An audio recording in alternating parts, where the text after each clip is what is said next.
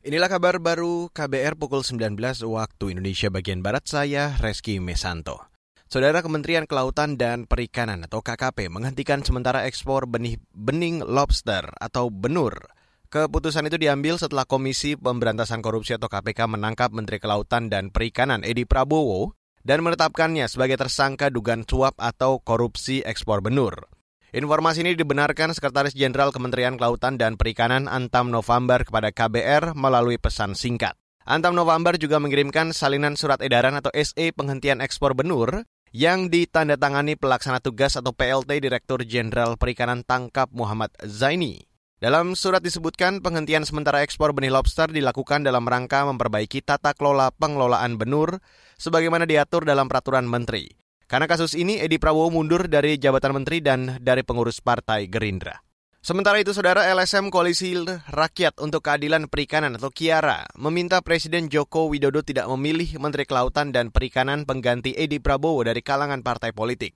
Sekjen Kiara, Susan Herawati, khawatir mafia perikanan di Kementerian Kelautan tak akan bisa berantas, diberantas maksud kami, jika menterinya memiliki relasi politik uh, memang dia harusnya tidak dari kolam yang sama gitu ya. Artinya presiden harus tegas dalam memilih siapa yang akan menjadi pasukan untuk ngurusin lautnya gitu ya. Permasalahannya memang hari ini relasi politik ini benar-benar dapat porsi yang cukup luas. Artinya juga harus ada hal yang dianggap timbal balik. Dan tentu kalau ngomongin kriteria dia memang pertama dia harus bukan berasal dari partai politik. Sebaiknya begitu gitu ya. Sekjen LSM Kiara Susan Herawati menjelaskan Menteri Kelautan dan Perikanan yang baru harus memiliki kriteria tertentu, mulai dari berkomitmen melindungi dan memberdayakan nelayan, memastikan sumber daya dan fasilitas negara bisa dinikmati nelayan, menyelesaikan konflik agraria di pesisir dan laut, kemudian Menteri juga tidak boleh menjadi pelayan bagi investor dan berani memberantas mafia perikanan. Beralih ke informasi selanjutnya, Saudara Kementerian Perindustrian atau Kemenperin mengklaim terus berupaya menekan dampak pandemi COVID-19 pada sektor industri dan perekonomian nasional.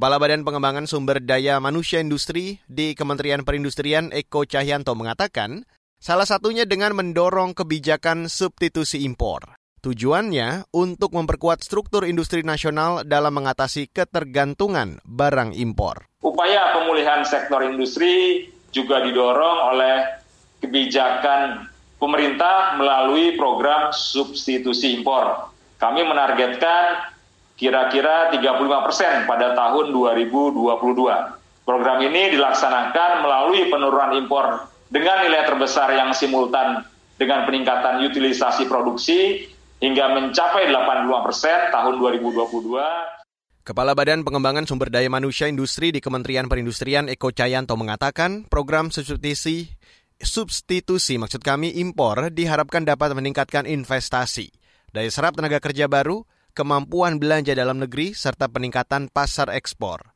Sebelumnya, Presiden Joko Widodo menyatakan perekonomian semua negara saat ini sedang macet. Karena itu dibutuhkan restart dan rebooting sektor ekonomi. Salah satunya dengan menjalankan kebijakan penurunan impor dengan menaikkan tarif biaya masuk untuk komoditas strategis. Demikian kabar baru KBR saya Reski Mesanto.